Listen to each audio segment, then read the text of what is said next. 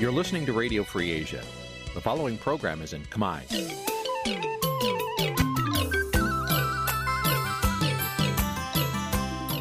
នេះជាកម្មវិធីផ្សាយ Vuthu Azizi Serai នេះជាកម្មវិធីផ្សាយរបស់ Vuthu Azizi Serai ជាភាសាខ្មែរ Vuthu Azizi Serai សូមស្វាគមន៍លោកអ្នកនាងទាំងអស់ពីរដ្ឋធានី Washington នៃសហរដ្ឋអាមេរិកបាទខ្ញុំបាទយ៉ងច័ន្ទដារា សូមជម្រាបសួរលោកអ្នកនាងអ្នកស្ដាប់ Vuthu Azizi Serai ទាំងអស់ជាទីមេត្រីខ្ញុំបាទសូមជូនកម្មវិធីផ្សាយសម្រាប់ព្រឹកថ្ងៃសៅរ៍14កើតខែអាសត់ឆ្នាំថោះបัญចស័កពុទ្ធសករាជ2567ត្រូវនៅថ្ងៃទី28ខែតុលាគ្រិស្តសករាជ2023បាទជាដំបូងនេះសូមអញ្ជើញអស់លោកអ្នកនាងស្ដាប់ព័ត៌មានប្រចាំថ្ងៃដែលមានមេត្តាដូចតទៅ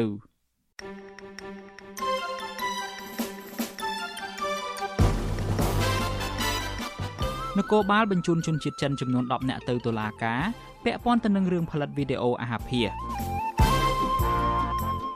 ក្រមស្ត្រីថ្ងៃសុកស្នើដល់សហរដ្ឋអាមេរិកឲ្យជួយអន្តរាគមន៍ដោះលែងគ្រួសាររបស់ពួកគាត់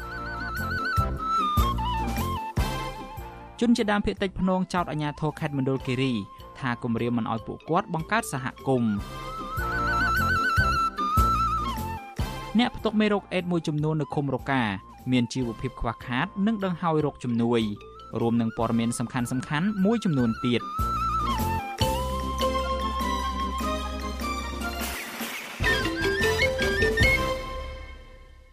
បាទជាបន្តទៅទៀតនេះខ្ញុំបាទយ៉ងច័ន្ទដារាសូមជូនព័ត៌មានទាំងនេះពឺស្ដាបាទលោកនាងជាទីមេត្រីមន្ត្រីជាន់ខ្ពស់នគរបាលជាតិអះអាងថានគរបាលបានកសាងសំណុំរឿងបញ្ជូនជនសង្ស័យជាជនជាតិចិនចំនួន10នាក់រួមនឹងវត្ថុតាងមួយចំនួន ទៅសាលាដំបងរាជធានីភ្នំពេញកាលពីថ្ងៃទី27ខែតុលាពាក់ព័ន្ធទៅនឹងការផលិតខ្សែវីដេអូអាហារភាសបាទលោកលេងម៉ាលីរាយការណ៍ពឹស្ដាអំពីរឿងនេះ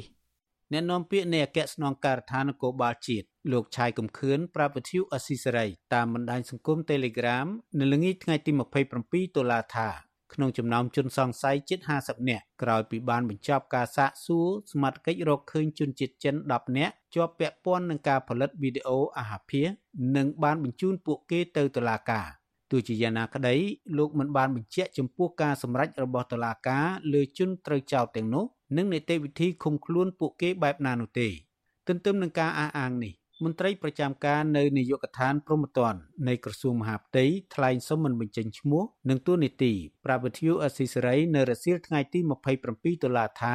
បច្ចុប្បន្នជនសង្ស័យទាំងនោះត្រូវបានឃុំខ្លួនជាបណ្ដោះអាសន្ននៅនាយកដ្ឋានព្រហ្មទណ្ឌនៃក្រសួងមហាផ្ទៃក្រោមការឃ្លាំមើលយ៉ាងតឹងរឹងពីព្រះរាជអាជ្ញានិងមន្ត្រីប្រចាំការយើងកំពុងតែធ្វើនីតិវិធីដើម្បីឲ្យបញ្ជូនទៅអัยការ ខ្ញុំប្រចាំបញ្ជា ខាងមន្ត្រីជំនាញគាត់កំពុងធ្វើកិច្ចការហ្នឹងទុកឲ្យជំនាញគាត់សួរគាត់ខ្ញុំទទួលខាងព័ត៌មានទេខាងតតសួរខាងជំនាញប្អូនអាចមកខាងនាយកដ្ឋានយើងខ្ញុំដើម្បីសាកសួរទៅខាងមន្ត្រីជំនាញណាប្អូនដឹងកម្លាំងអគ្គស្នងការដ្ឋាននគរបាលជាតិកាលពីយប់ថ្ងៃទី24ខែតុលាបានឆ្មក់ចុះបង្ក្រាបកន្លែងផលិតវីដេអូអាហារភាសមួយកន្លែង នៅអគារក្រុមហ៊ុនដឹកជញ្ជូនម្ហូបអាហារ វ៉ាវណាវក្នុងខណ្ឌបឹងកេងកងនឹងបានឃាត់ខ្លួនមនុស្ស45នាក់ដែលរួមមានជនជាតិចិនវៀតណាម និងខ្មែរផងដែរប្រតិបត្តិការបង្ក្រាបនេះធ្វើឡើងក្រោមបទបញ្ជាពីរដ្ឋមន្ត្រីក្រសួងមហាផ្ទៃលោកសសុខា លោកឆៃកឹមខឿនឲ្យដឹងថាក្រោយបញ្ចប់ការសាកសួរកាលពីរសៀលថ្ងៃទី25តុលាសមត្ថកិច្ចបានដោះលែងមនុស្ស35នាក់ឲ្យវិលត្រឡប់ទៅផ្ទះវិញ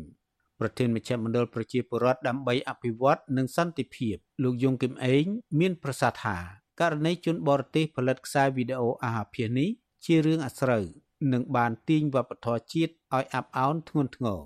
លោកនៅតែទទូចដល់សមត្ថកិច្ចនិងស្ថាប័នតុលាការឲ្យបន្តស្រាវជ្រាវរកមុខសញ្ញាដែលពាក់ព័ន្ធផ្សេងទៀតនិងផ្ដន្ទាទោសជនល្មើសឲ្យបានធ្ងន់ធ្ងរតាមច្បាប់ ដើម្បីព្រមានដល់ជនបរទេសទាំងឡាយណា ដែលប៉ុនប៉ងប្រើប្រាស់ទឹកដីខ្មែរធ្វើអាជីវកម្មខុសច្បាប់ និងធ្វើឲ្យប៉ះពាល់ដល់កិត្តិយសនៃវប្បធម៌ជាតិបើសិនជាយើងមិនបានចាត់វិធានការបានតឹងតែងសមរម្យសមស្របគឺបញ្ហានោះវានៅតែកើតឡើងទៀតវាប៉ះពាល់ហើយប្រកបភាពភ័យខ្លាចទៅដល់អ្នកទេសចរទៅដល់ប្រជាពលរដ្ឋយើងដទៃទៀតវាជារឿងដែលត្រូវគិតចារណាចាត់វិធានការខាងផ្លូវច្បាប់ឲ្យខាងតបានហើយបាទ ច្បាប់ស្តីពីការបង្ក្រាបអំពើជួញដូរមនុស្សនិងអំពើធ្វើអាជីវកម្មផ្លូវភេទមាត្រា15ចែងថា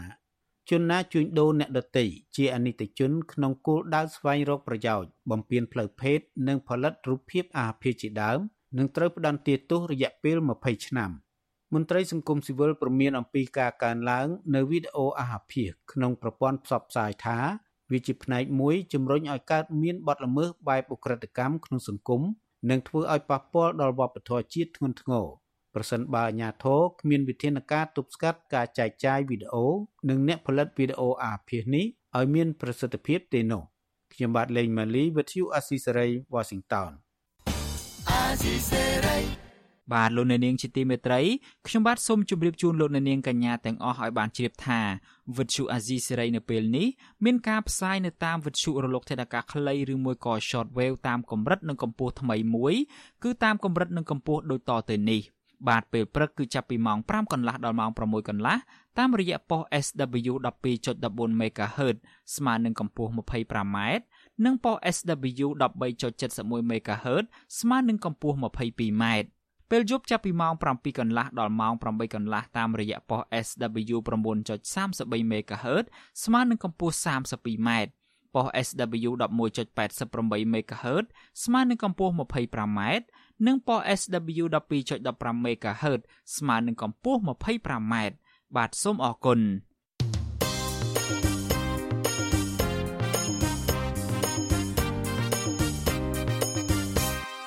បាទលោកអ្នកនាងជាទីមេត្រីយើងងាកមកចាប់អារម្មណ៍ពាក់ព័ន្ធទៅនឹងរឿងអ្នកជាប់ឃុំនយោបាយឯនេះវិញក្រមស្ត្រីថ្ងៃសុកដែលជាប្រពន្ធនិងកូនរបស់សកម្មជនគណៈបកសង្គ្រោះជាតិនិងគណៈបកភ្លើងទៀនបានជួបឯកអគ្គរដ្ឋទូតសហរដ្ឋអាមេរិកប្រចាំកម្ពុជា លោក Patrick Murphy ដើម្បីស្នើសុំឲ្យជួយអន្តរាគមន៍ទៅរដ្ឋាភិបាលរបស់លោកហ៊ុនម៉ាណែតឲ្យដោះលែងសមាជិកគ្រួសារនិងសកម្មជនផ្សេងទៀតដែលកំពុងជាប់ឃុំនៅក្នុងពន្ធនាគារក្រោមហេតុផលនយោបាយ។ មន្ត្រីអង្គការសង្គមស៊ីវិលយល់ថារដ្ឋាភិបាលលំមដោះស្រាយវិវាទនយោបាយនិងបើកលំហប្រជាធិបតេយ្យឲ្យបានឆាប់ដើម្បីប្រយោជន៍ជាតិបាទនេះជាសេចក្តីរាយការណ៍ព័ត៌មានរបស់លោកថាថៃក្រមស្ត្រីថ្ងៃសុកប្រមាណ20នាក់នៅថ្ងៃទី27ខែតុលាបាននាំគ្នាសម្ដែងមតិដោយសន្តិវិធីនៅខាងមុខស្ថានទូតសហរដ្ឋអាមេរិកប្រចាំទីក្រុងភ្នំពេញពួកគាត់ឈរលើកបដានិងកាន់រូបថតហើយស្រែកទាមទារឲ្យរដ្ឋាភិបាលកម្ពុជាដោះលែងអ្នកទោសនយោបាយអ្នកទោសមនសិការ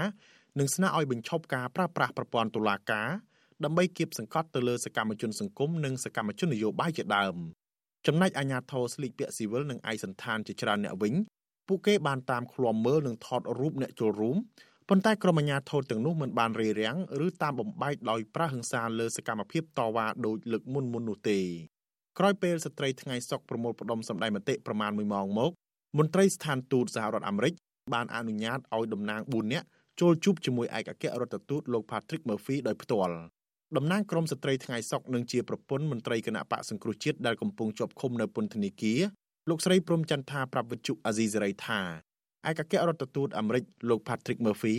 បានសួរសុខទុក្ខនិងកោតសរសើរចំពោះក្រមស្ត្រីដែលក្លាហានចេញតស៊ូមតិទាមទារយុត្តិធម៌កន្លងមកលោកស្រីឲ្យដឹងថាលោក Patrick Murphy បានបញ្ជាក់ថាសហរដ្ឋអាមេរិកតែងតែយកចិត្តទុកដាក់ចំពោះទុកលំបាកនិងតាមដានយ៉ាងយកចិត្តទុកដាក់ គ្រប់សំណុំរឿងរបស់សកម្មជនទាំងអស់នៅតុលាការ ហើយលោកតែងតែលើកយកបញ្ហាសិទ្ធិមនុស្ស និងជំរុញឲ្យរដ្ឋាភិបាលកម្ពុជាដោះលែងអ្នកទោសមនសិការជាបន្តបន្ទាប់ខ្ញុំមានមោទនភាពនិងមានកិត្តិយសខ្លាំងមែនទែនដែលបានកៈដូចគឺផ្ទាល់ដែលចុះមកជួបពួកខ្ញុំណាចាដែលគាត់មកជួយលើកទឹកចិត្តខ្ញុំផ្ទាល់ហើយគាត់បានមានប្រសាសន៍ថាគាត់នឹងបដិញ្ញាជួយដើម្បីទៅជំនួយជាមួយរដ្ឋាភិបាលហើយយកគ្រប់រឿងទាំងអស់ដែលពួកខ្ញុំមានទុកលំបាកទាំងប្រមាណប្រជាពលរដ្ឋទូទៅទៅជំនួយជាមួយរដ្ឋាភិបាលឲ្យមានប្រជាធិបតេយ្យប៉ុន្តែគាត់ធ្វើការងារតាមការទូត ស្រដៀងគ្នានេះដែរប្រពន្ធប្រធានចលនាយុវជនថ្នាក់ជាតិរបស់គណៈបកភ្លើងទៀនលោកខឿនវិរៈគឺលោកស្រីថាច់ចន្ទធូលើកឡើងថាលោកស្រីរៀបរាប់អំពីរឿងអយុត្តិធម៌ទៅកាន់ឯកអគ្គរដ្ឋទូតអាមេរិកដោយផ្ទាល់និងស្នើឲ្យលោកជួយជំរុញទៅរដ្ឋាភិបាលរបស់លោកហ៊ុនម៉ាណែត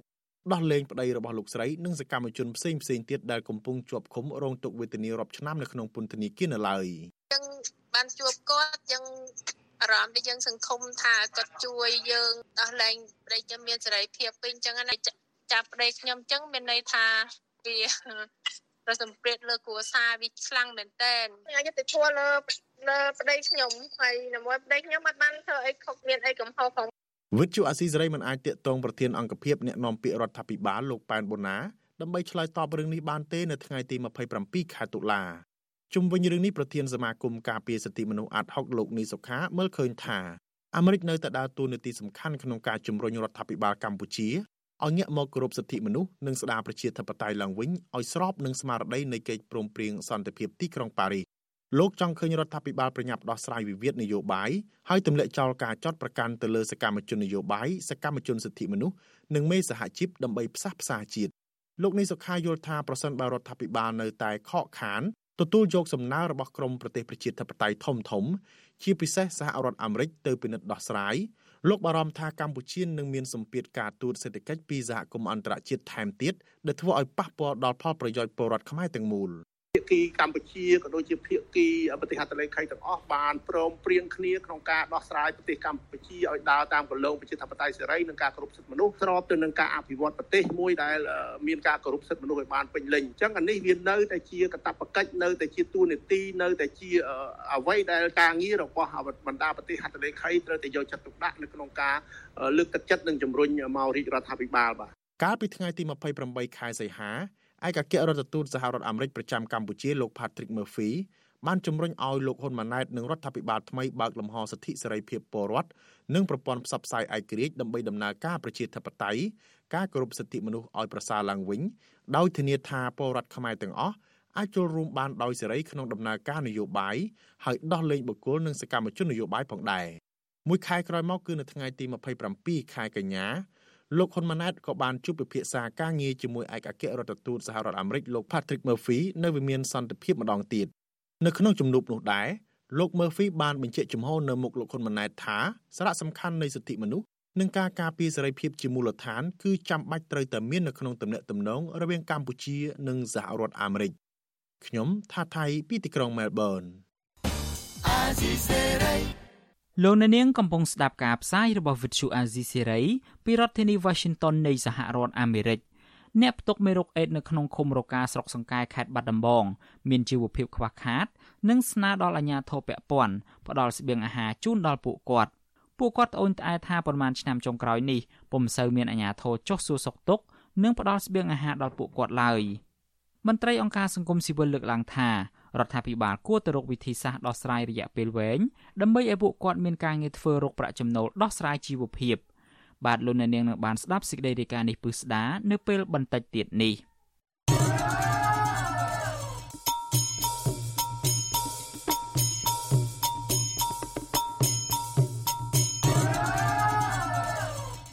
បាទលោកអ្នកនាងជាទីមេត្រីពាក់ព័ន្ធទៅនឹងរឿងក្តីក្តាំនៅតុលាការឯនេះវិញ សកម្មជនដីធ្លីមកពីសហគមន៍197គ្រួសារនៅក្នុងឃុំជីខលើស្រុកខ្សែអំបិលខេត្តកោះកុងចំនួន9នាក់សង្ឃឹមថាសាឡាវធរប្រចាំខេត្តព្រះសីហនុនឹងផ្ដល់ភាពយុត្តិធម៌និងទម្លាក់បទចោទទាំងអស់ឲ្យពួកគាត់មានសេរីភាពឡើងវិញបាទក្តីសង្ឃឹមនេះកើតមានឡើងក្រោយពីតុលាការជាន់ខ្ពស់បានបើកសវនាការលើបណ្ដឹងឧទ្ធររបស់ពួកគាត់កាលពីថ្ងៃទី26ខែតុលាហើយគ្រោងនឹងប្រកាសសាលដីកានៅថ្ងៃទី16វិច្ឆិកាខាងមុខនេះ។ មន្ត្រីខ្លំមើលសិទ្ធិមនុស្សយល់ថាតុលាការគួរតែទម្លាក់បទចោទលើតំណាងសហគមន៍ដីធ្លីទាំង9នាក់ដើម្បីឲ្យពួកគាត់មានសេរីភាពឡើងវិញជៀសវាងធ្វើឲ្យប៉ះពាល់ដល់ស្មារតីរបស់ពួកគាត់បានអ្នកស្រីម៉ៅសុធានីរាយការណ៍អំពីរឿងនេះតំណាងសហគមន៍មានចំនួនដីធ្លីនៅខេត្តកោះកុងចំនួន9នាក់រួមមានលោកស្រីដេតហួរលោកស្រីអិនធូលោកស្រីកាត់នៅ និងតំណាងសហគមន៍5នាក់ផ្សេងទៀត ទទូចឲ្យតឡាការខេត្តបរសៃអនុទម្លាក់ចោលបទចោតប្រកាន់ទាំងអស់ដើម្បីឲ្យពួកគាត់មានសិទ្ធិសេរីភាពពេញលេញពួកគាត់អះអាងថាពួកគាត់គ្រាន់តែអនុវត្តសិទ្ធិតវ៉ាដោយសន្តិវិធី និងដាក់ញត្តិស្នើសុំអាជ្ញាធរដោះស្រាយវិវាទដីធ្លីរបស់ពួកគាត់ដែលក្រុមហ៊ុនរបស់អង្គការហេងហ៊ុយបានរំលោភយកពលគឺពួកគាត់មិនបានញុះញង់និងបរិហាបង្កាច់គេនរណានោះឡើយ សកម្មជនដីធ្លីសហគមន៍197គ្រួសារលោកស្រីដេតហួរប្រាប់វិទ្យុស៊ីស្រីនៅថ្ងៃទី27ខែតុលាថាគោលបំណងនៃការប្តឹងជំទាស់នេះគឺដោយសារលោកស្រីនិងសមាជិកចំនួន8រូបផ្សេងទៀតมันអាចទទួលយកការសម្រេចរបស់តុលាការខេត្តកោះកុងដែលបានកាត់ទោសលោកស្រីជាប់ពន្ធនាគារ1ឆ្នាំ និងពិន័យជាប្រាក់សរុបចំនួន40លានរៀលទាំងលោកស្រីមិនបានប្រព្រឹត្តខុសនោះឡើយ។ ឃើញជំវិញរឿងហ្នឹងខ្ញុំយល់ថាមិនឯករាជ្យចំពោះពួកខ្ញុំហើយក៏មិនផ្ដល់យុត្តិធម៌ដល់ពួកខ្ញុំបានខ្ញុំប្តឹងទៅសាលាអូតូដល់ពេលខ្ញុំទៅសាលាអូតូខ្ញុំមើលឃើញសាលាអូតូពេលម្សិលមិញគាត់ហាក់ដូចជាមានដំណាភាពប៉ុន្តែទោះជាគាត់មិនតាន់បានប្រកាសសោកក្រមយ៉ាងណាក៏យើងមើលឃើញគាត់សួរពីច្បាប់ទាំងអស់គាត់អត់បានសួរពីប្រច្រាស់ទិសទុយនឹងច្បាប់ដោយសាលាការកោះកុងនោះទេ សាលាតខេត្តបរសៃអនុគ្រងនឹងប្រកាសសាធិការលើសំណុំរឿងបាត់ញុះញង់និងបាត់បរាហាបង្កាច់គេរបស់តំណាងសហគមន៍ទាំង9នាក់នៅថ្ងៃទី16ខែវិច្ឆិកាខាងមុខតំណាងសហគមន៍ដីធ្លីខេត្តកោះកុងម្នាក់ទៀតគឺលោកស្រីផាងយើងដែលបានចូលរួមក្លំមើលសកម្មភាពលោកស្រីដេតហួរក៏សម្គាល់ថាអាញាធរខេត្តបរសៃអនុនៅតែគម្រាមកំហែងលោកស្រី និងបរិបផ្សេងទៀតដែលចូលរួមក្លំមើលសវនាការថាបញ្ញត្តិជាប់គុកម្ដងទៀតបើសិនបើមិនឈប់តវ៉ាលោកស្រីផាងយើងហួសចិត្តនឹងទង្វើរបស់អាញាធរទាំងនោះដោយគ្រាន់តែលោកស្រីនិងបរិវត្តប្រមាណជាង100នាក់កាន់បដាទៀមទីឲ្យតឡាការទម្លាក់ចោលបទចោតលើតំណាងសហគមន៍របស់ពួកគាត់ ពួកខ្ញុំដើរហើនឹងបាត់សិទ្ធិសេរីភាពក្នុងការដើរហើក្នុងការជួបជុំក៏គេមិនអោយជួបហើយក្នុងការសម្ដែងមតិដោយម្សិលមិញក៏គេហាម5មិនអោយនិយាយគ្រាន់តែពួកខ្ញុំនិយាយគ្នារឿងចាប់ពន្ធនាគារចាប់អីហ្នឹងក៏ក៏គាត់ស្រែកកំហុកមកថាមិនអោយពួកយើងនិយាយកន្លែងនេះកន្លែងគេធ្វើការពួកខ្ញុំឆ្លើយថាកន្លែងដែលគេធ្វើការហ្នឹងហើយបានពួកខ្ញុំចង់និយាយចង់និយាយដើម្បីឲ្យគេដឹងនេះជាការបញ្ចេញមតិរបស់ពួកខ្ញុំគាត់ថាមកបញ្ចេញមតិឯនៅកន្លែងហ្នឹងមកញ៉េញ៉ៃបង្កតែរឿងថាអញ្ចឹង ជំវិញបញ្ហានេះអ្នកសម្របសម្រួលគម្រោងធុរកិច្ចនិងសិទ្ធិមនុស្សនៃមជ្ឈមណ្ឌលសិទ្ធិមនុស្សកម្ពុជាលោកវ៉ាន់សុផាត សង្កេតឃើញថាមកដល់ពេលនេះ មានតំណាងសហគមន៍ដីធ្លីពីរនាក់ហើយដែលបានតវ៉ារកដំណោះស្រាយដីធ្លីរហូតដល់បាត់បង់ជីវិតដូច្នេះអាជ្ញាធរពាក់ព័ន្ធគួរតែដោះស្រាយបញ្ចប់វិវាទដីធ្លីនេះឲ្យទាន់ពេលវេលា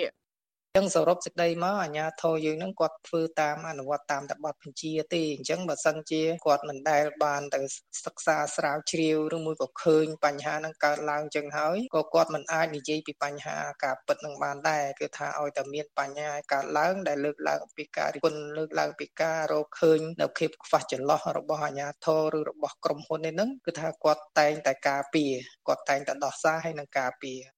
ក្រមបរដ្ឋអះអាងថាក្រុមហ៊ុនរបស់លោកហេងហ៊ុយបានរំលោភយកដីស្រែចម្ការរបស់ពួកគាត់ តាំងពីឆ្នាំ2007ហើយពាក្យបណ្ដឹងរបស់បរដ្ឋដែលបានដាក់នៅក្រសួងរៀបចំដែនដីនិងក្រសួងស្ថាប័នពាក់ព័ន្ធដទៃទៀតជាច្រើនលើកប៉ុន្តែពួកគាត់មិនត្រឹមតែមិនបានទទួលដំណោះស្រាយនោះទេ ថែមទាំងទទួលរងនឹងការគំរាមកំហែងធ្វើបាប និងប្តឹងបកពីលោកហេងហ៊ុយទៅវិញ។ ប្រជាប្រដ្ឋនិងមន្ត្រីសង្គមស៊ីវិលយល់ឃើញថាការប្រើប្រាស់ប្រព័ន្ធតុលាការនេះគឺដើម្បីដាក់សម្ពាធឲ្យពួកគាត់បញ្ឈប់ការតវ៉ាទាមទារដីធ្លី ដែលត្រូវបានអង្គការហេងហ៊ុយរំលោភយកនោះចាននាងខ្ញុំម៉ៅសុធានីវັດឈូអសីស្រីប្រធានាធិបតី Washington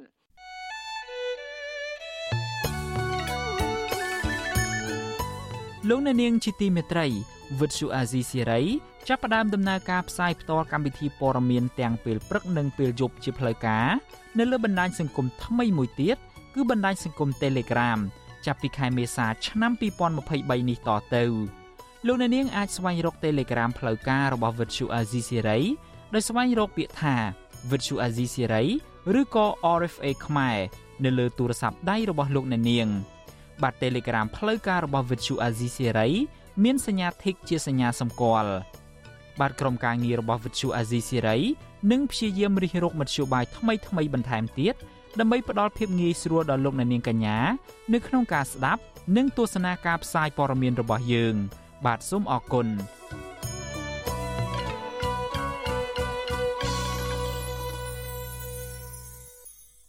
បាទលោកអ្នកនាងជាទីមេត្រីពាក់ព័ន្ធទៅនឹងរឿងតុលាការនេះដែរ គណៈរដ្ឋមន្ត្រីបានអនុម័តទៅលើសេចក្តីព្រាងព្រះរាជក្រឹត្យស្តីពីការបង្កើតការរៀបចំនិងកិច្ចដំណើរការរបស់អាជ្ញាធរជាតិដោះស្រាយវិវាទក្រៅប្រព័ន្ធតុលាការ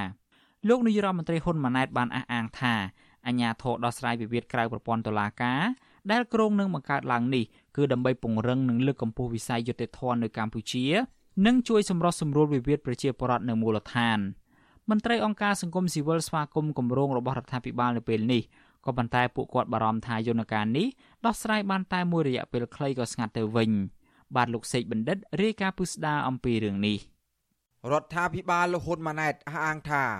មិនចាប់បង្ខំឲ្យពលរដ្ឋស្វែងរកការដោះស្រាយវិវាទក្រៅប្រព័ន្ធតុលាការនោះទេគឺពលរដ្ឋនៅតែមានសិទ្ធិស្វែងរកការដោះស្រាយវិវាទនៅក្នុងប្រព័ន្ធតុលាការដដែលបើសិនជាពលរដ្ឋចង់ដោះស្រាយចំនួនតាមផ្លូវតុលាការ ទោះយ៉ាងណាក្រមការងារនេះមិនដោះស្រាយឬសម្របសម្រួលករណីព្រំប្រទាននោះទេលោកនាយករដ្ឋមន្ត្រីហ៊ុនម៉ាណែតលើកឡើងថាអាញាធរជាតិដោះស្រាយវិវាទក្រៅប្រព័ន្ធតុលាការនេះ គឺដើម្បីដោះស្រាយវិវាទតាមរយៈការសម្រុះសម្រួលផ្សះផ្សាក្រៅប្រព័ន្ធតុលាការ បានឆាប់រហ័សហើយដែលមានការប្រថាប់ត្រាពីអាជ្ញាធរលោករំពឹងថាយន្តការនេះ ក៏ជាផ្នែកមួយជួយកាត់បន្ថយការកកស្ទះសំណុំរឿងនៅតាមសាលាជំរះក្តីនានា និងជាការបង្ខិតសេវាដោះស្រាយវិវាទឲ្យទៅគៀកប្រជាពលរដ្ឋអញ្ចឹងយន្តការនេះសង្ឃឹមថានឹងអាចជួយហើយសំខាន់បំផុតគឺការធ្វើយុទ្ធនាការផ្សព្វផ្សាយពយល់តែដល់មហាជនឲ្យបានយល់ហើយនេះគឺជាកិច្ចការឲ្យគាត់យល់អំពីច្បាប់យល់អំពីជំរឹះអ្វីដែលការរៀបចំនេះជូនហើយហេតុអីត្រូវតែរៀបចំរហូតដល់ឧបនាយករដ្ឋមន្ត្រីទៅការដឹកនាំនេះគឺជាស្ថិតនៅក្នុងអតិភិបមិនខុសពីអាញាធរជាតិជីវិតឆាងគ្រឿងយានិងយន្តការថ្នាក់ជាតិផ្សេងទេអញ្ចឹងការដោះស្រាយការពង្រឹងនៅប្រព័ន្ធយុត្តិធម៌គឺជាអតិភិបសំខាន់សម្រាប់យើងគណៈរដ្ឋមន្ត្រីលោកហ៊ុនម៉ាណែត បានបើកកិច្ចប្រជុំពេញអង្គរបស់ខ្លួន នៅថ្ងៃទី27ខែតុលា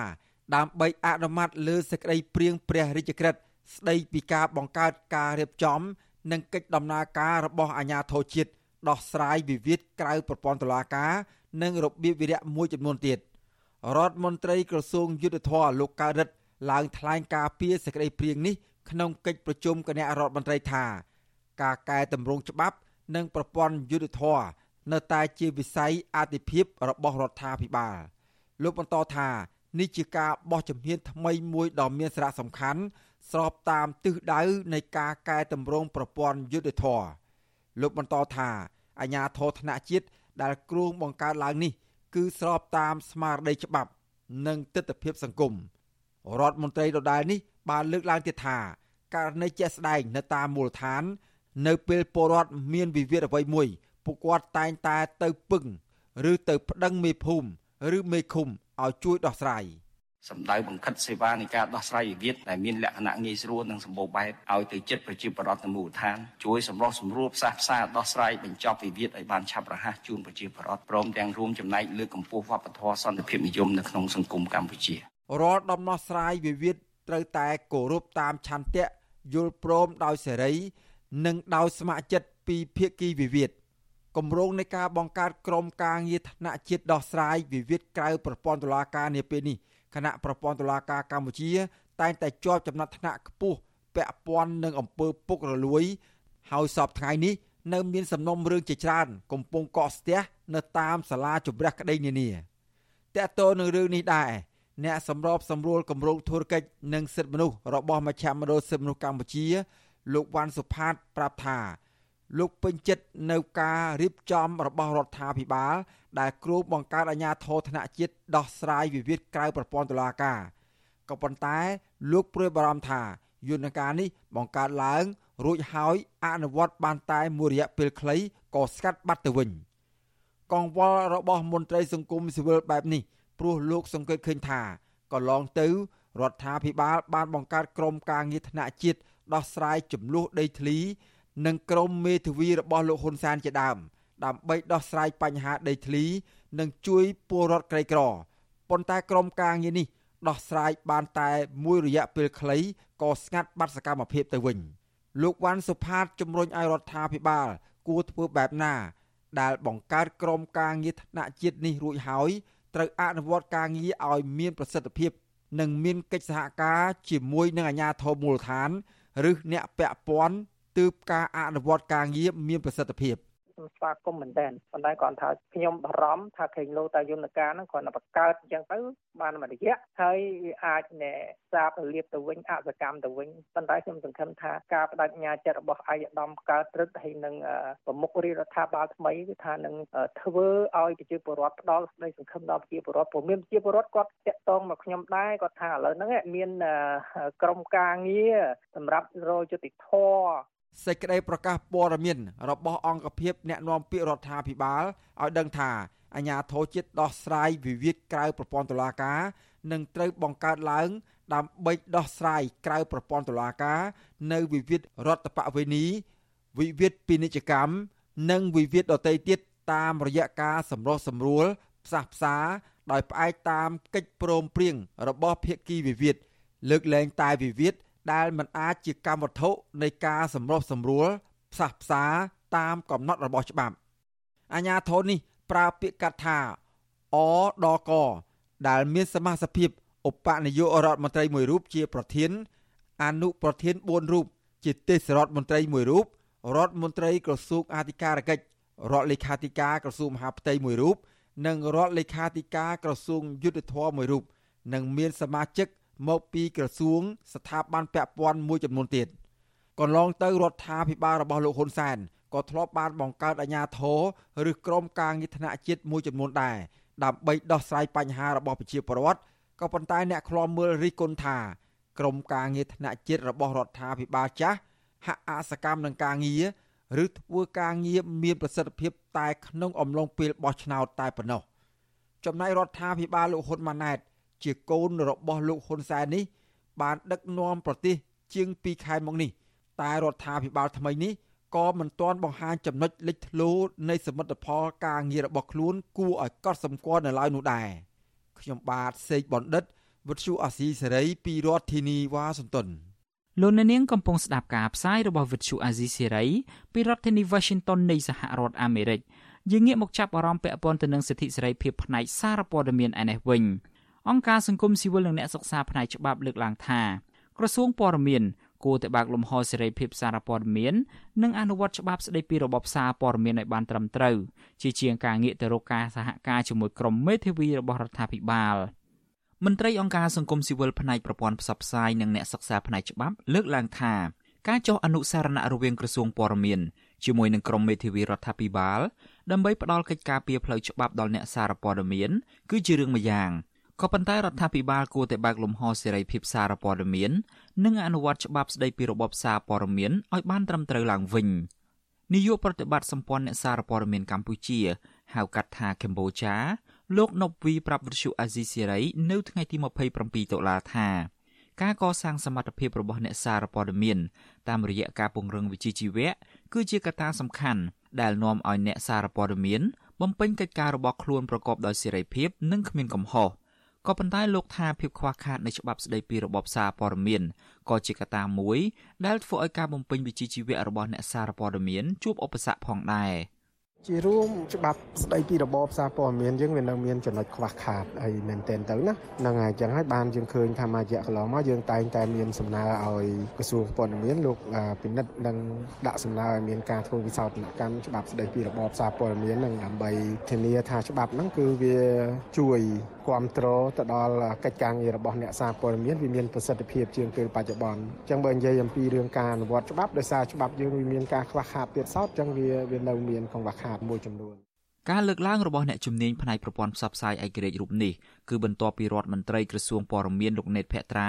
បានជួបប្រជុំជាមួយនឹងលោកគីតិចទេសរដ្ឋមន្ត្រីទទួលបន្ទុកបេសកកម្មពិសេសអនុប្រធានក្រុមប្រឹក្សាអ្នកច្បាប់ និងជាប្រធានក្រុមមេធាវីរដ្ឋាភិបាលដើម្បីធ្វើបច្ចុប្បន្នភាពលើអនុសារណៈនៃការយោគយល់គ្នារវាងក្រសួងព័ត៌មាននិងក្រុមមេធាវីរបស់រដ្ឋាភិបាលលើកិច្ចការពីផ្លូវច្បាប់ដល់អ្នកសារព័ត៌មានកាលពីថ្ងៃទី25ខែតុលាឆ្នាំ2023 ការចុះអនុសារណៈរវាងស្ថាប័នទាំងពីរនេះគឺដើម្បីធានាប្រសិទ្ធភាពទៅលើកិច្ចការពីផ្លូវច្បាប់ដល់អ្នកសារព័ត៌មានដែលប្រកបវិជ្ជាជីវៈត្រឹមត្រូវស្របច្បាប់នៅក្នុងពេលបំពេញការងារវិជ្ជាជីវៈរបស់ខ្លួនឲ្យបានកាន់តែល្អដើម្បីកែប្រែវិស័យសារព័ត៌មានคล้ายទៅជាវិស័យអតិភិបទោះជាបែបនេះក្តីការធ្វើបច្ចុប្បន្នភាពលើអនុសារណៈនៃការយោគយល់គ្នា រវាងក្រសួងព័ត៌មានជាមួយនឹងក្រុមមេធាវីដែលជាក្រុមអ្នកច្បាប់បម្រើផលប្រយោជន៍ឲ្យគណៈបកកណ្ដាលអំណាចនោះហាក់មិនបានជួយការពារផ្លូវច្បាប់ដល់អ្នកសារព័ត៌មានដែលប្រកបវិជ្ជាជីវៈត្រឹមត្រូវតាមផ្លូវច្បាប់នោះទេជាមួយគ្នានេះក្រុមហ៊ុនព័ត៌មានធំៗនៅកម្ពុជាភាគច្រើនគឺជាកម្មសិទ្ធិឬមួយក៏គ្រប់គ្រងដោយសាច់ញាតិនិងបុគ្គលដែលមានទំនាក់ទំនងជិតស្និទ្ធនឹងរដ្ឋាភិបាល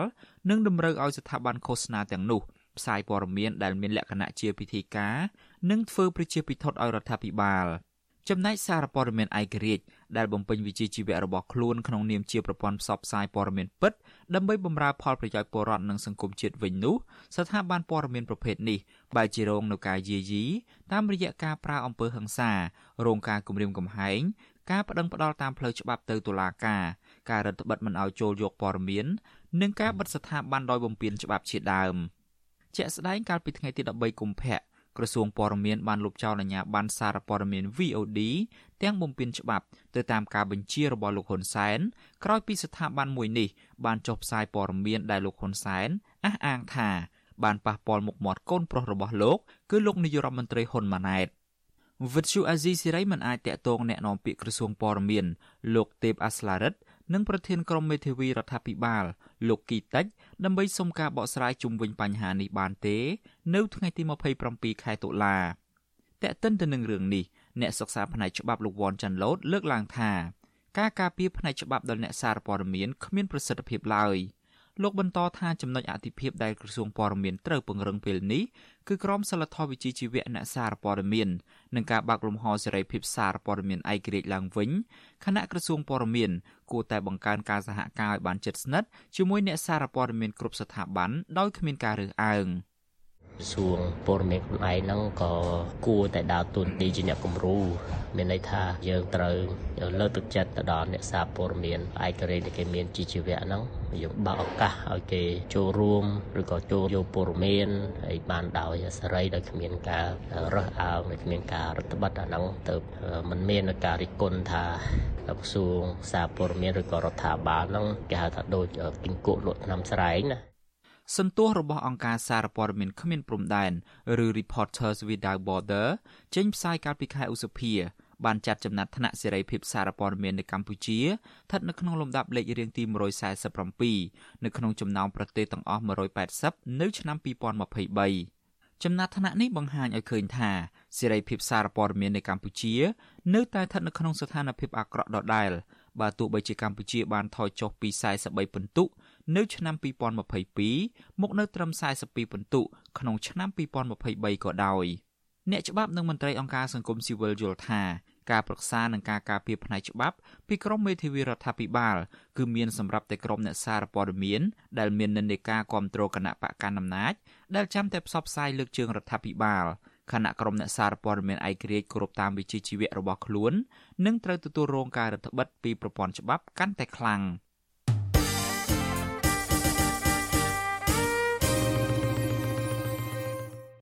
បលូននាងជាទីមេត្រីពាក់ព័ន្ធទៅនឹងរឿងសិទ្ធិសេរីភាពផ្នែកសារព័ត៌មាននេះដែរមជ្ឈមណ្ឌលសិទ្ធិមនុស្សកម្ពុជាហៅកាត់ថា CCHR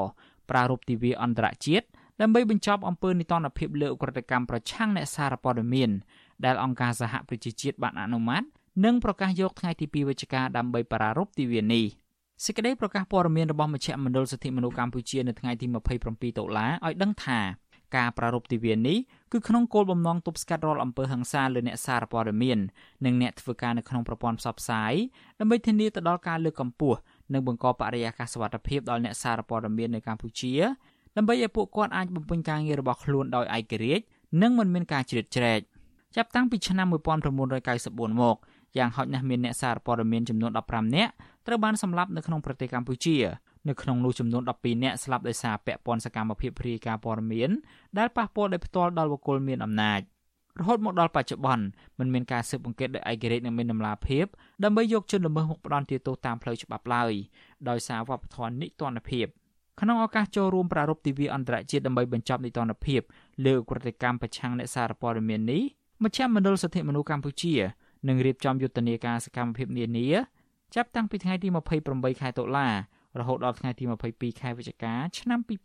2023យុទ្ធនាការទាំងនេះគឺជាការលើកកម្ពស់ការយល់ដឹងអំពីទូនាទីរបស់អ្នកសារព័ត៌មាននៅក្នុងសង្គមប្រជាធិបតេយ្យបំបត្តិអំពើនីតិរដ្ឋភាពនិងឧក្រិដ្ឋកម្មប្រឆាំងនឹងអ្នកសារព័ត៌មានជាដើមលោកអ្នកនាងជាទីមេត្រីវិទ្យុអាស៊ីសេរីនឹងចេញផ្សាយ podcast កម្ពុជាសប្តាហ៍នេះ នៅរៀងរាល់ព្រឹកថ្ងៃសៅរ៍ម៉ោងនៅកម្ពុជា នៃសប្តាហ៍នីមួយៗ សូមប្រិយមិត្តស្វែងរក និងស្ដាប់ podcast របស់យើង នៅលើកម្មវិធី podcast របស់ Apple, Google និង Spotify ដោយគ្រាន់តែសរសេរពាក្យថាកម្ពុជាសប្តាហ៍នេះឬ Cambodia This Week នៅក្នុងប្រអប់ស្វែងរក យើងក៏នឹងចាក់ផ្សាយកម្មវិធី podcast នេះឡើងវិញ នៅក្នុងកម្មវិធីផ្សាយផ្ទាល់របស់យើង តាមបណ្ដាញសង្គម Facebook YouTube និង Telegram នៅរៀងរាល់យប់ថ្ងៃច័ន្ទម៉ោងនៅកម្ពុជា បាទសូមអរគុណ thank you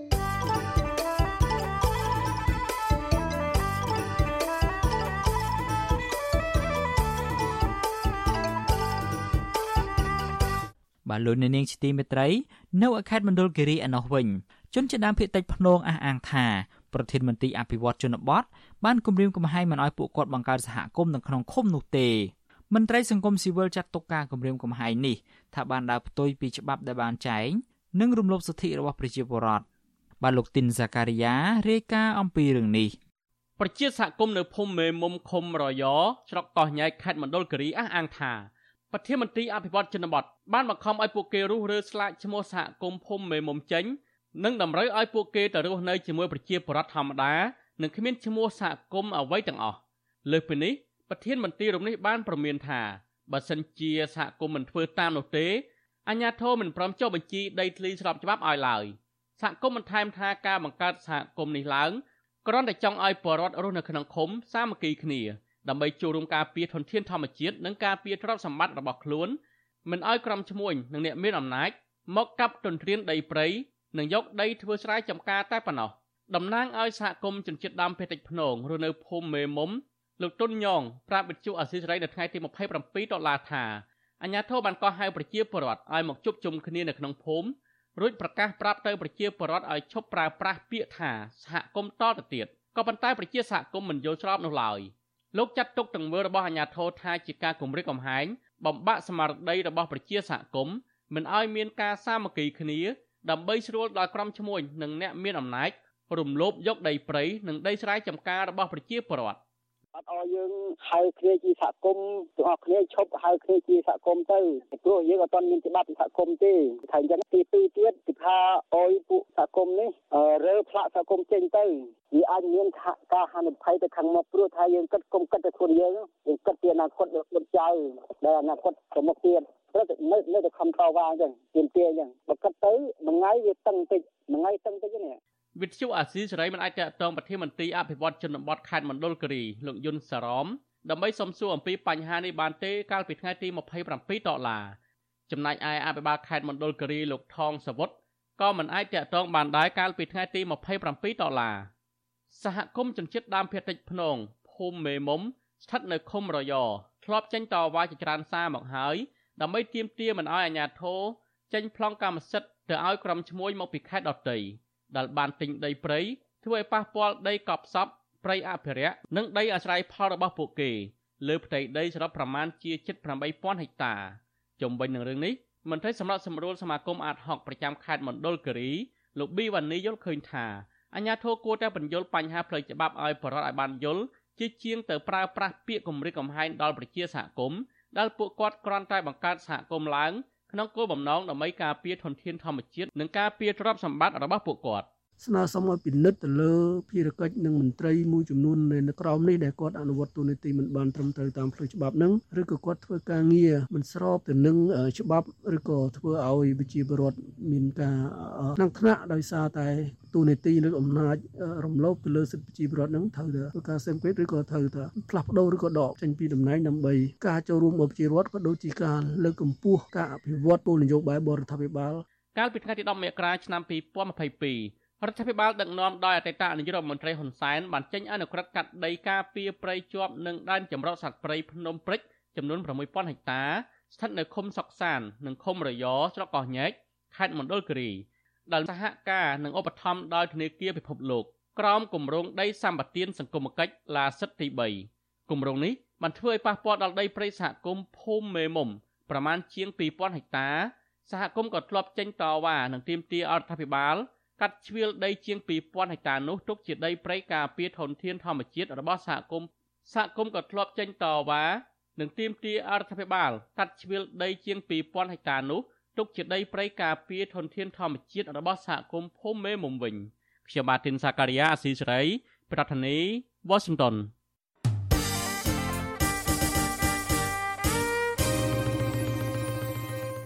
លោកអ្នកនាងជាទីមេត្រី វិទ្យុអាស៊ីសេរីបានទទួលសំណូមពរពីអ្នកស្ដាប់និងអ្នកទស្សនារបស់យើងច្រើនណាស់ថាកុំឲ្យដាក់ចំណងជើងផ្ទុយពីខ្លឹមសារនៃព័ត៌មានជាឧទាហរណ៍ការដាក់ចំណងជើងថា Vivo ហៅលោកហ៊ុនសែនត្រូវតុលាការព្រហ្មទណ្ឌអន្តរជាតិ ICC យកទៅកាត់ទោសជាដើមក៏ប៉ុន្តែនៅពេលចុចស្ដាប់ទៅមិនលឺនិយាយអំពីរឿងនេះសោះបាទយើងខ្ញុំសូមជម្រាបជូនលោកអ្នកនាងថា ការដាក់ចំណងជើងខុសពីខ្លឹមសារទាំងនេះគឺជាការបោកប្រាស់របស់ក្រុមរកស៊ីតាម YouTube ដើម្បីរកលុយតែប៉ុណ្ណោះពួកគេបានលួចយកខ្លឹមសារនៃការផ្សាយរបស់ Virtual Azizi Series ទៅកាត់តរួចបដូរចំណងជើងតាមរបៀបប្លែកៗហួសហេតុខុសពីការពិតនៅក្នុងគោលបំណងតាក់ទាញចិត្តរបស់លោកអ្នកនាងកញ្ញាឲ្យទៅចុចស្ដាប់ឬក៏ទស្សនាដើម្បីបាន view ឬបានចំនួនអ្នកចូលទស្សនាច្រើនបើមានអ្នកចុចស្ដាប់កាន់តែច្រើន ពួកគេក៏កាន់តែរកប្រាក់បានច្រើនតាមនោះដែរ អាស៊ីសេរីមិនដែលដាក់ចំណងជើងខុសពីខ្លឹមសារនោះទេលោកអ្នកនាងកញ្ញាអាចចូលរួមទប់ស្កាត់ការបោកប្រាស់ទាំងនេះបាន ដោយឈប់ចុចស្ដាប់ឬក៏ឈប់ចុចទស្សនាការចុះផ្សាយណាដែលដាក់ចំណងជើងខុសប្លែកគួរឲ្យសង្ស័យទាំងនេះជាពិសេសទៅទៀតនោះដើម្បីស្ដាប់ឬមួយក៏ទស្សនាការផ្សាយពិតរបស់អាស៊ីសេរីសូមលោកអ្នកនាងចូលទៅក្នុង Channel របស់អាស៊ីសេរីតែម្ដង ដែលមានអាសយដ្ឋាន www.youtube.com/@rfa ខ្មែរ បាទសូមអរគុណ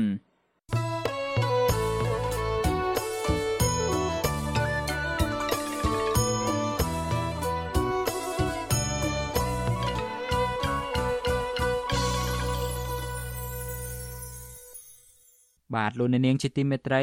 ពាក់ព័ន្ធទៅនឹងការតវ៉ារបស់ប្រជាពលរដ្ឋអំពីរឿងផ្ទះឯនេះវិញ ប្រជាពលរដ្ឋជិត200នាក់រស់នៅរាជធានីភ្នំពេញដែលបងរំលោភផ្ទះជាមួយក្រុមហ៊ុនបូរីពិភពថ្មីបាននាំគ្នាតវ៉ាឲ្យអង្គការហុងពីវចេញមកដោះស្រាយរឿងលុយ50%ដល់ពួកគាត់ក្រោយពីក្រុមហ៊ុនបានដកហូតផ្ទះរបស់ពួកគាត់យកទៅវិញមន្ត្រីសង្គមស៊ីវិលលើកឡើងថាអាញាធរពពាន់គួរតែហៅភាគីទាំងពីរដើម្បីរកដំណោះស្រាយសមស្របមួយ។បានអ្នកស្រីម៉ៅសុធានីរាយការណ៍អំពីរឿងនេះ បញ្ហាសេដ្ឋកិច្ចធ្លាក់ចុះធ្វើឲ្យប្រជាប្រដ្ឋភាគច្រើននៅរាជធានីភ្នំពេញ និងនៅបណ្ដាខេត្តផ្សេងផ្សេងពុំសូវរកប្រាក់ចំណូលបានច្រើន ដើម្បីចិញ្ចឹមជីវិតគណៈបរដ្ឋខ្លះទៀតកំពុងជំពាក់បំណុលធនាគារវ៉ាន់កនិងគ្មានលុយបង់រំលោះថ្លៃផ្ទះបានទៀងទាត់ដូចមុនធ្វើឲ្យពួកគាត់ត្រូវប្រឈមការបាត់បង់ផ្ទះនិងលុយកាក់រាប់ម៉ឺនដុល្លារដោយសារតែក្រុមហ៊ុនដកហូតយកផ្ទះទៅវិញ ជាក់ស្ដែងប្រជាប្រដ្ឋជិត200នាក់មកពីតំបន់ផ្សេងផ្សេងក្នុងរាជធានីភ្នំពេញបាននាំគ្នាតវ៉ានៅមុខការិយាល័យក្រុមហ៊ុនពិភពថ្មី របស់លោកហុងពីវស្ថិតនៅក្នុងខណ្ឌកំបូលក្រុងភ្នំពេញ នៅថ្ងៃទី27ខែតុលាដើម្បីឲ្យក្រុមហ៊ុនដោះស្រាយរឿងរឹបអូសយកផ្ទះរបស់ពួកគាត់ ដែលបានខំបង់រំលោះកន្លងមក បរដ្ឋមានបញ្ហាជាមួយនឹងក្រុមហ៊ុនពិភពថ្មី ដែលមកពីសាខាពិភពថ្មីគួស្រូវលោកស្រីប៉ាន់ភា ប្រាប់វិទ្យុស៊ីស្រីថាការតវ៉ារបស់បរដ្ឋនេះ គ្រាន់តែចង់ឲ្យក្រុមហ៊ុនផ្ដល់លុយសំណងជូនពួកគាត់ចំនួន50%វិញដោយសារតែកន្លងទៅប្រជាពលរដ្ឋបានបង់លុយឲ្យក្រុមហ៊ុនរាប់ពាន់ដុល្លារក៏ប៉ុន្តែដោយសារតែបញ្ហាសេដ្ឋកិច្ចពួកគាត់គ្មានលុយបង់បន្តឲ្យក្រុមហ៊ុនបានគម្រាមដកយកផ្ទះទៅវិញ។ ធ្វើម៉េចឲ្យគាត់ព្រមទិញក្នុងលក្ខខណ្ឌណាមួយដែលគាត់អាចទទួលយកបានក្នុងបំណងនេះគឺពួកយើងទាំងអស់គ្នាសុទ្ធតែអ្នកខ្លះគាត់ចេញទៅជួលផ្ទះគេខាងក្រៅអស់ហើយហើយផ្ទះក៏គេយកវិញអស់ដែរក៏គេចាក់សោយកអ្នកខ្លះក៏គាត់ដាក់ផ្លាកលក់ទៅវិញចូលក្នុងបរិយាអស់អញ្ចឹងការទៀមទានេះគឺគាត់សុំឲ្យសុំឲ្យបរិយាយកដំណោះស្រាយក្នុងលក្ខខណ្ឌដែលទិញយកមកដោះស្រាយអូនមកដោះស្រាយជាមួយពួកបងទាំងអស់ លោកស្រីបន្តថាប្រជាប្រដ្ឋដែលបង់រំលោះផ្ទះនៅបរិយាពិភពថ្មី នៅសាខាគួស្រូវនិងសាខាកម្ពុជាជាដើមភ្នាក់ច្រើនពួកគាត់បង់ឲ្យក្រុមហ៊ុនប្រចាំខែមិនក្រោម100ដុល្លារនោះទេខណៈដែលបរិវត្តខ្លះបានបង់ឲ្យក្រុមហ៊ុនពី4ទៅ5ឆ្នាំ គឺអស់លុយប្រមាណជាងពី30000ទៅ40000ដុល្លារនោះប៉ុន្តែរយៈពេល4-5ខែចុងក្រោយនេះ ពុំមានលទ្ធភាពបង់ឲ្យក្រុមហ៊ុនទៀតដូច្នេះពួកគាត់ត្រូវបង្ខំចិត្តរើអីវ៉ាន់ចេញពីផ្ទះដោយគ្មានបានសំណងអ្វីបន្តិចពីក្រុមហ៊ុនវិទ្យុអសីស្រីមិនអាចតាក់ទងតំណាងបរិយាពិភពថ្មី និងអ្នកនាំពាក្យរដ្ឋាភិបាលលោកប៉ែនបូណាដើម្បីបកស្រាយជំវិញរឿងនេះបាននៅឡើយទេនៅថ្ងៃទី27ខែតុលាដោយសារទូរស័ព្ទហៅចូល តែគ្មានអ្នកទទួល ទទោះយ៉ាងណាកាលពីថ្ងៃទី7ខែមិថុនាអតីតនាយករដ្ឋមន្ត្រីលោកហ៊ុនសែនក៏ធ្លាប់បានស្នើឲ្យភាគីបូរីយោគយល់កុំឲ្យរឹបអូសយកផ្ទះពីប្រជាពលរដ្ឋដែលមិនមានលទ្ធភាពបង់ប្រាក់ទៅឲ្យភាគីក្រុមហ៊ុននៅក្នុងការតវ៉ាអស់រយៈពេលពេញមួយថ្ងៃ នៅថ្ងៃទី27ខែតុលារបស់បរដ្ឋគេពុំឃើញមានភាគីម្ចាស់បរិយមកជួបពួកគាត់ដើម្បីពិភាក្សារកដំណោះស្រាយនោះឡើយក៏ប៉ុន្តែផ្ទុយទៅវិញ គេឃើញមានអភិបាលរងខណ្ឌកម្ពូលចុះមកសម្រាប់សម្រួលឲ្យប្រជាប្រដ្ឋទាំងអស់បញ្ឈប់ការតវ៉ាហើយហុំព័ទ្ធដោយក្រុមសន្តិសុខយាមនៅខាងក្រៅមុខការិយាល័យបរិយក៏ប៉ុន្តែគ្មានអំពើហិង្សានោះឡើយបរិយត្រូវចេញលិខិតធានាទិញចូល50%នៅអតិថិជនណាដែលចង់លក់ឲ្យបរិយនិងអតិថិជនដែលអស់លទ្ធភាពត្រូវទិញគាត់ចូលវិញ50%បរិយត្រូវតែអនុវត្តគោលការណ៍3នេះជាដាច់ខាត មែនអត់បងអើយបរដ្ឋម្នាក់ទៀតលោកតារាទទូចឲ្យតំណាងក្រុមហ៊ុន ចេញមកដោះស្រាយជូនប្រជាពលរដ្ឋឲ្យបានសមរម្យហើយសុំឲ្យភាគីបរិយបន្ធូរបន្ថយអត្រាការប្រាក់និងលុយពិន័យពីការខកខានបង់លុយឲ្យក្រុមហ៊ុនប្រចាំខែ គឺរងចាំខាងបូរីជាអ្នកចេញគោលការណ៍សម្រាប់ការដោះស្រាយយ៉ាងណាជាមួយប្រជាពលរដ្ឋយើងអញ្ចឹងព័ត៌មានដែលជាក់លាក់យើងនឹងបន្តរហូតដល់ម៉ោង5ម៉ោង6ហើយស្អែកក៏បន្តធ្វើតទៅទៀតដែរបងរហូតដល់មានដំណោះស្រាយជុំវិញរឿងនេះប្រធានអង្គការសម្ព័ន្ធកណន័យភាពសង្គមកម្ពុជា លោកសនជ័យមានប្រសាសន៍ថាបញ្ហានេះត្រូវតែមានភាគីទាំង3ចូលរួមដោះស្រាយរួមមានភាគីធនាគារភាគីម្ចាស់បរិយនិងរដ្ឋាភិបាល។ លោកបន្ថែមថាដើម្បីអាចឲ្យប្រជាពលរដ្ឋលើតែបន្តបង់ប្រាក់ទៅឲ្យភាគីម្ចាស់បរិយនិងដើម្បីបញ្ជៀសវិបត្តិសេដ្ឋកិច្ចកាន់តែធ្ងន់ធ្ងរនោះរដ្ឋាភិបាលគួរតែអន្តរាគមន៍កាត់បន្ថយការបង់ពន្ធពីភាគីបរិយនិងកាត់បន្ថយការកិត្តការប្រាក់ជាមួយធនាគារលើប្រាក់កម្ចីបង់រំលោះ តួអង្គអាជ្ញាធរអាចទៅបរួលហើយដើម្បីពិនិត្យមើលទៅលើលក្ខខណ្ឌដែលចែកវាមិនមែនជាការលូកលាន់កិច្ចការផ្ទៃក្នុងរបស់វិស័យឯកជនទេក៏ប៉ុន្តែយើងចង់ចង់ឲ្យមានការបង្ហាញមើលថាតើលក្ខខណ្ឌដែលបានចែកហ្នឹងមានការកេងចំណេញផលប្រយោជន៍ជាគីណាមួយដែរឬទេហើយតើវាមានលក្ខណៈមួយស្របច្បាប់ប៉ុណ្ណាប៉ុន្តែបើសិនជាមានលក្ខបើបើសិនជាមានការពីកិច្ចសន្យាដោយភាគីណាមួយចាំបាច់ត្រូវតែមានការសម្របសម្រួលពីអាជ្ញាធររដ្ឋ ប្រជាប្រដ្ឋលើកឡើងថាពួកគាត់កាន់តែមានជីវភាពលំបាកហើយបរដ្ឋខ្លះទៀតចាប់តាំងពីបាត់បង់ផ្ទះសម្បែងបានសម្រេចទៅនៅស្រុកកំណើតតាមបណ្ដាខេត្តផ្សេងផ្សេងក្រោយពីក្រុមហ៊ុនដកហូតយកផ្ទះចំណែកអភិជារដ្ឋមួយចំនួនទៀតដែលនៅរាជធានីភ្នំពេញហើយបង់រំលោះផ្ទះនៅបរិយពិភពថ្មីកម្ពូលបរិយគួស្រូវនិងពិភពថ្មីចំការដូងជាដើមនោះ ពួកគេនឹងបន្តការតវ៉ាជាបន្តបន្ទាប់ប៉ះសិនបើភាគីបរិយទាំងនោះ នៅតែមិនទូទាត់ប្រាក់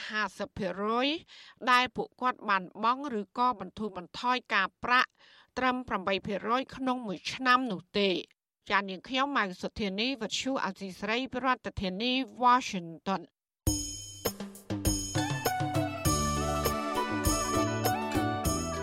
លោកអ្នកនាងជាទីមេត្រី ក្រៅពីការតាមដានកម្មវិធីផ្សាយរបស់ Vuthu Azizi Serai នៅតាមបណ្ដាញសង្គម Facebook YouTube និង Telegram លោកអ្នកនាងក៏អាចតាមដានកម្មវិធីផ្សាយរបស់យើង នៅតាមរយៈបណ្ដាញ Instagram បានដែរតាមរយៈតំណ link ដែលមានអាសយដ្ឋាន www.instagram.com/rfa ខ្មែរ អាស៊ីសេរីបន្តខិតខំផ្សព្វផ្សាយព័ត៌មានពិតទៅកាន់បងប្អូនតាមរយៈបណ្ដាញសង្គមផ្សេងផ្សេងនិងសម្បូរបែបដើម្បីឲ្យលោកអ្នកនាងងាយស្រួលតាមដានកម្មវិធីផ្សាយរបស់អាស៊ីសេរីគ្រប់ពេលវេលា និងគ្រប់ទីកន្លែងតាមរយៈទូរស័ព្ទរបស់លោកអ្នកនាង បាទសូមអរគុណ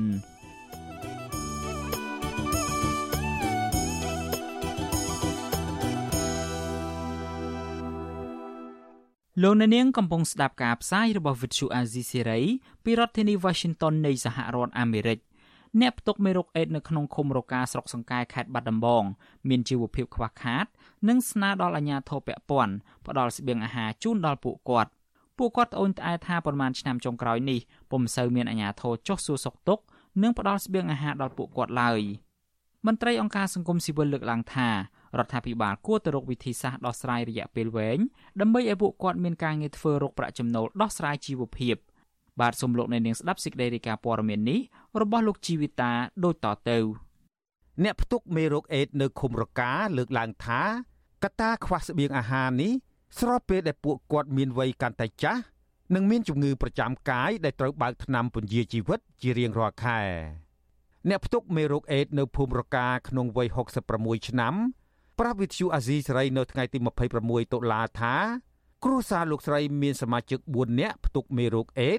ក្នុងនោះប្តីរបស់លោកស្រីបានស្លាប់កាលពីដើមឆ្នាំ2015លោកស្រីរំលឹកថាពួកគាត់ឆ្លងមេរោគអេដតាមរយៈការចាក់ថ្នាំពីគ្រូពេទ្យម្នាក់នៅក្នុងភូមិរកា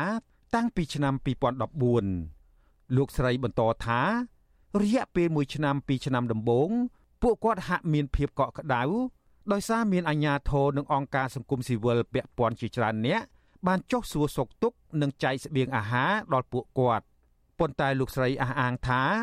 រយៈពេលប្រមាណឆ្នាំចុងក្រោយនេះពុំសូវមានអាជ្ញាធរណាចុះសួរសុខទុក្ខដល់ពួកគាត់ឡើយលោកស្រីបញ្ជាក់ថាសប្តាហ៍នេះលោកស្រីមានសុខភាពទ្រុឌទ្រោមខ្លាំងហើយអង្គុយនៅលើតែរទេះរុញដោយពុំអាចធ្វើការងារអ្វីបានឡើយ ថ្ងៃនៅតែតែក្មេងៗនេះគ្រាន់តែស្នាស្នាប្រហែលខ្ញុំមើលស្នាប្រហែលខ្ញុំហើយរួចប្អូនខ្ញុំអីចឹងនឹងឈឺឈឺរងោកហើយឈឺទៅខ្លះពុកស្អឹងទៅខ្លះទៅពោះធំកាក់ទៀកទឹកទៅជាជត់ត្រោមជត់ត្រោមបានគេនៅក្មេងៗនេះគ្រាន់តិចហើយឆ្នាំលេបដល់ថ្ងៃហ្នឹងមិនគ្រូត្រយប់ហ្នឹងអារោគហ្នឹងវាដូចមិនមិនជាហើយជីវភាពក៏ខ្វះខាតច្រើនឈឺណាស់ពេកចាគ្រូអើយ ស្រដៀងគ្នានេះដែរអ្នកផ្ទុកមេរោគអេដនៅភូមិរកាអាយុ55ឆ្នាំម្នាក់ទៀតថ្លែងថា គ្រួសារលោកស្រីមានអ្នកផ្ទុកមេរោគអេដ2នាក់គឺលោកស្រីនិងកូនប្រុសម្នាក់ប៉ុន្តែកូនលោកស្រីបានស្លាប់ក្នុងវ័យ20ឆ្នាំកាលពីឆ្នាំ2019លោកស្រីបន្តថាសប្តាហ៍ថ្ងៃលោកស្រីរស់នៅជាមួយប្តីនិងកូនប្រុសម្នាក់ទៀតខណៈដែលលោកស្រីធ្លាក់ខ្លួនពីការភ្នែកមើលអ្វីពុំឃើញអស់រយៈពេលជាង2ឆ្នាំមកហើយ លោកស្រីបញ្ជាក់ថាមូលហេតុដែលពិការភ្នែកនេះគឺបណ្ដាលមកពីមេរោគអេដធ្វើទុកខ្លាំងសប្តាហ៍នេះលោកស្រីលេបថ្នាំពន្យាអាយុជីវិតតាមការណែនាំរបស់គ្រូពេទ្យពុំដែលខានឡើយក៏ប៉ុន្តែសុខភាពរបស់លោកស្រី ហាក់ពុំបានប្រសើរឡើយពិបាកតមែនតើណាគ្រូធ្វើមហូបធ្វើអីអញ្ចឹងពិបាកអង្គុយរៀអង្គុយយវ៉ាទៅហើយតានោះគាត់អង្គុយបង្ហាញទៅជាកំប៉ុងវិជែងកំប៉ុងប្រហុកអីចឹងទៅ គាត់លើកហុចមកទៅជារៀលឡខ្លួនឯងគ្រូអត់មានកូនណាគេបារើយើង មានតែកូនមួយนึงហើយប្រុសទៀតមានធ្វើការសំណងហើយមានបាននៅមើលម៉ែណាពិបាកដូចគ្នាមានអ្នកខ្លះគ្នាពិបាកគឺថារកបាយហូបមិនបានណាគ្រូដែលគ្មានកូនជួយណាអត់មានកូនរោអីគ្នាអត់តមែនទេលោកស្រីបន្តថា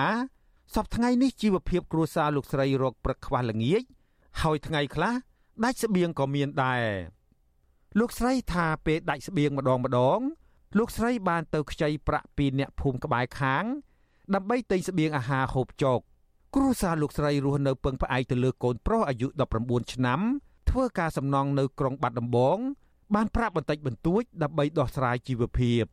លោកស្រីបញ្ជាក់ថាការងាររបស់កូនលោកស្រីក៏មិនទៀងទាត់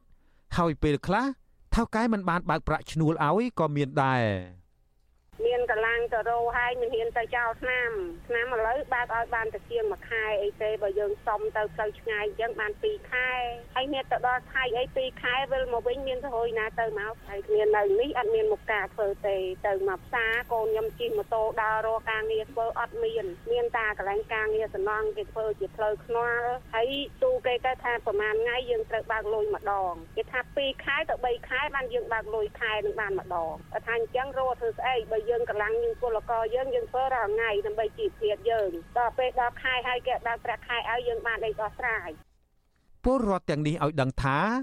អ្នកផ្ទុកមេរោគអេដនៅឃុំរកាភៀកច្រើន មានជីវភាពក្រីក្ររោគប្រខ្វះល្ងាចដោយសារតែសុខភាពចុះខ្សោយហើយមិនអាចចេញទៅធ្វើការនៅប្រទេសក្រៅបានដោយពលរដ្ឋទូទៅនោះទេព្រោះរវល់បើកថ្នាំលេបពន្យាអាយុជីវិត នៅមណ្ឌលសុខភាពជារៀងរាល់ខែ ពួកគាត់ថាសពថ្ងៃមានអង្គការក្រៅរដ្ឋាភិបាលមួយផ្ដល់ស្បៀងអាហារដល់ពួកគាត់រយៈពេល1ឆ្នាំ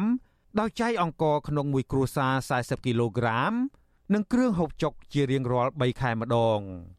ពួកគាត់អះអាងថាស្បៀងអាហារទាំងនេះមិនគ្រប់គ្រាន់សម្រាប់ដោះស្រាយជីវភាពនោះទេ ស្របពេលដែលពួកគាត់មួយចំនួនមានសុខភាពទ្រុឌទ្រោមខ្លាំងហើយមិនអាចធ្វើការងារធ្ងន់បាន វិទ្យុអាស៊ីសេរីមិនអាចតាក់ទងអនុប្រធានមន្ទីរសុខាភិបាលខេត្តបាត់ដំបង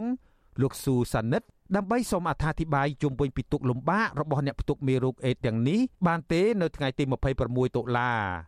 ប៉ុន្តែមេឃុំរកាអ្នកស្រីសឹមពៅប្រាប់វិទ្យុអាស៊ីសេរីថាអ្នកផ្ទុកមេរោគអេដមួយចំនួនពិតជាមានជីវភាពលំបាកប្រកបមែនប៉ុន្តែអ្នកស្រីអះអាងថាអញ្ញាធរឃុំបានបញ្ចូលពលរដ្ឋទាំងនោះឲ្យទទួលបានក្រីក្រ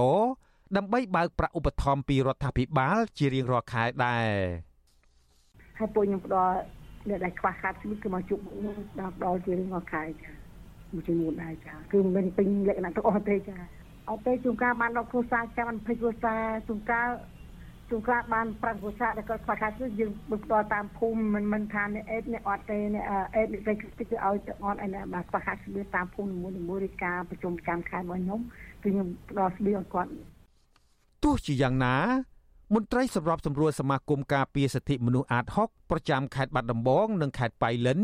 លោកយិនមេងលីយល់ឃើញថាក្នុងស្ថានភាពសេដ្ឋកិច្ចដូចសពថ្ងៃនេះប្រាក់ឧបត្ថម្ភរបស់រដ្ឋាភិបាលជូនដល់ពួកគាត់ទាំងនោះមិនគ្រប់គ្រាន់សម្រាប់ដោះស្រាយជីវភាពនោះទេ លោកបញ្ជាក់ថាពលរដ្ឋទាំងនោះឆ្លងមេរោគអេដដោយសារការធ្វេសប្រហែសរបស់គ្រូពេទ្យម្នាក់ដូច្នេះរដ្ឋាភិបាលគួរតែទទួលខុសត្រូវជួយដល់ពួកគាត់ លោកបន្តថា ដើម្បីដោះស្រាយបញ្ហានេះរដ្ឋាភិបាលគួរតែរកវិធីដោះស្រាយផ្ដល់ការងារធ្វើរយៈពេលយូរអង្វែងដល់ពួកគាត់ចឹងយើងកុំនាំគ្នារើសអើងឬក៏យើងកុំនាំគ្នាបំភ្លេចគាត់ណាយើងមកកុំបំភ្លេចគាត់ទុកគាត់ចោលក៏បីតែយកចិត្តទុកដាក់ចំពោះគាត់ព្រោះគាត់មានទី1មានជំងឺទី2មានភាពក្រីក្រទៀតដែលធ្វើឲ្យគាត់កាន់តែមានការលំបាកថែមទៀតតែយើងកុំភ្លេចថាគាត់ ក៏ជាមនុស្សមួយរូបដូចយើងដែរអញ្ចឹងត្រូវជាបន្ទុករបស់រដ្ឋាភិបាលត្រូវតែខិតខំយកចិត្តទុកដាក់ឲ្យអស់ពីលទ្ធភាពដើម្បីធ្វើយ៉ាងម៉េចឲ្យគាត់រស់ស្ថិតនៅក្នុងភាពជាមនុស្សបាទឃុំរកាមានអ្នកផ្ទុកមេរោគអេដសរុបជិត300នាក់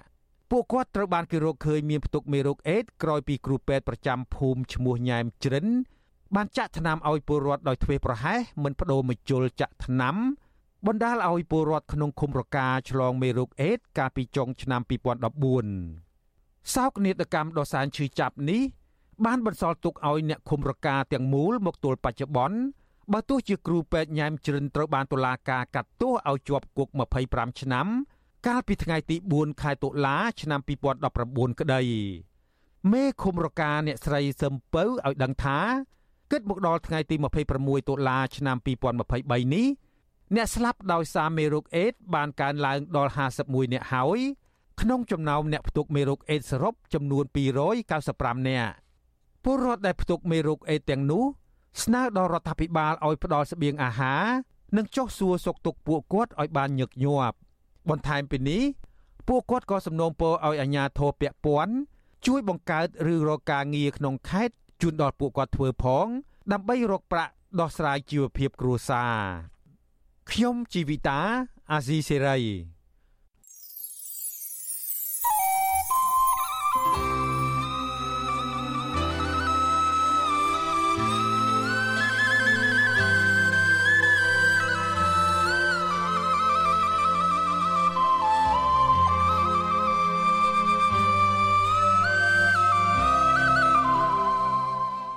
លោកអ្នកនាងជាទីមេត្រីការផ្សាយរយៈពេល1ម៉ោងរបស់វិទ្យុអាស៊ីសេរីនៅព្រឹកនេះចប់ត្រឹមតែប៉ុណ្ណេះ